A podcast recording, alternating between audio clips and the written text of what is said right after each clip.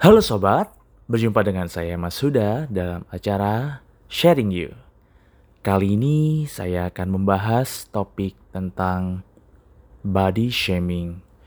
Mengapa saya mengambil topik ini? Karena saya yakin akhir-akhir ini saya menemukan banyak isu dan berita atau pemberitaan tentang adanya body shaming. Mungkin teman-teman sudah banyak yang tahu ya apa itu body shaming, dan bagaimana. Secara definisi teman-teman sudah tahu lah. Intinya menghina ataupun mengolok uh, tentang body tubuh kita, tentang bentuk ataupun hal lain. Oke, saya langsung ke pengalaman diri saya. Saya pernah mengalami body shaming. Sebagai informasi, saya pernah memiliki empat transformasi tubuh. Yang pertama kurus, kemudian gemuk, kemudian ideal, kemudian kembali lagi gemuk. Di masing-masing masa ini, saya mengalami banyak bulian, kecuali di masa ideal. Saya sangat jarang sekali menemukan bulian.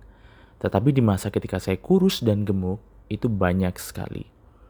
Mungkin ketika kecil, teman-teman beranggapan bagaimana beranggapan atau berpikir ya, bagaimana sih saya bisa menghadapi bulian tersebut?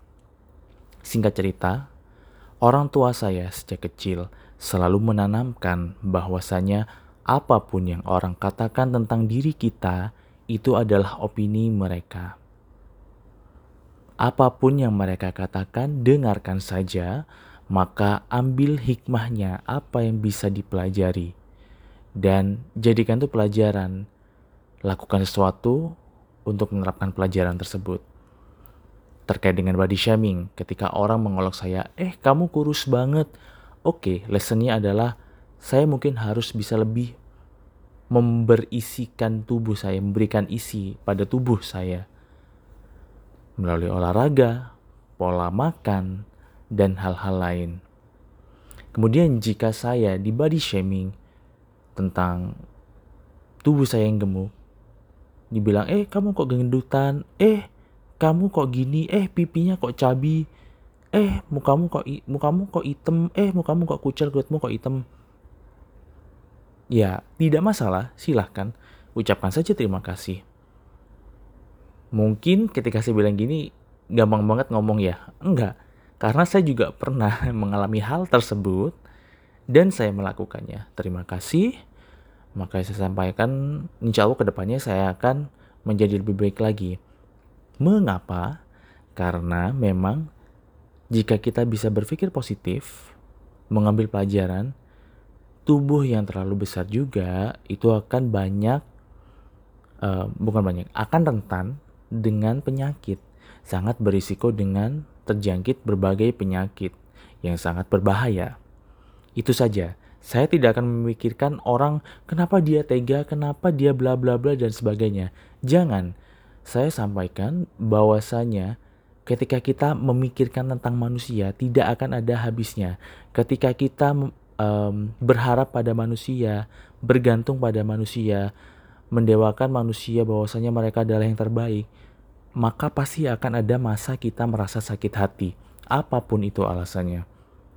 Oleh sebab itu, di sini saya bisa memberikan saran untuk tidak terlalu memikirkan bagaimana ucapan orang tersebut, tetapi pikirkanlah pelajaran apa dari yang mereka sampaikan. Kemudian mari kita ambil pelajaran tersebut dan terapkan karena pasti di setiap ucapan orang ada sisi positif dan negatif. Ambillah sisi positifnya dan buanglah sisi negatifnya. Seperti itu. Terus kemudian jika ada pertanyaan, tapi kan kalau kita dari kecil udah hidup sendiri atau bahkan orang tua tidak terlalu care, tidak pernah menanamkan tentang prinsip hidup seperti saya gimana? Ya, tidak apa-apa. Belajarlah dari podcast ini juga. Anggaplah podcast ini merupakan sebuah pelajaran. Belajar tidak harus dengan orang tua kok. Mungkin Ketika kita yang punya keluarga masih punya orang tua, ya orang tua lah yang masih bertanggung jawab.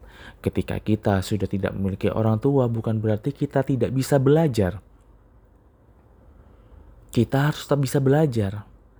Ada takdir masing-masing orang. Kita diberikan akal, kita diberikan tenaga. Itu tujuannya agar kita bisa struggle atau bertahan. Kita memiliki kemampuan berpikir, maka belajarlah dari hal apa pun di sekitar kita. Seperti itu. Oleh sebab itu, jangan pernah menyerah dengan body shaming bodoh amat body shaming karena mereka juga tidak pernah tahu tentang hidup kita. Mereka tidak mengikuti 24 jam kegiatan kita. Mereka tidak tahu isi hati kita dan mereka bukan kita. Jadi ketika kalian sudah menyerah, sudah sakit hati, artinya kalian sebenarnya tunduk dengan orang lain. Jangan sampai percaya dirilah apa pun diri kita harus percaya diri. Kita sebenarnya tahu kok, baik buruk, tinggal kita bisa melek atau tidak. Ketika yang orang ucapkan kita berpikir, oh iya benar ya, maka lakukan segera perubahan. Jangan memikirkan orangnya bicara seperti apa. Banyak bertindak daripada banyak berbicara dan terlalu memikirkan. Itu pesan saya. Sampai jumpa pada podcast berikutnya. Selamat malam.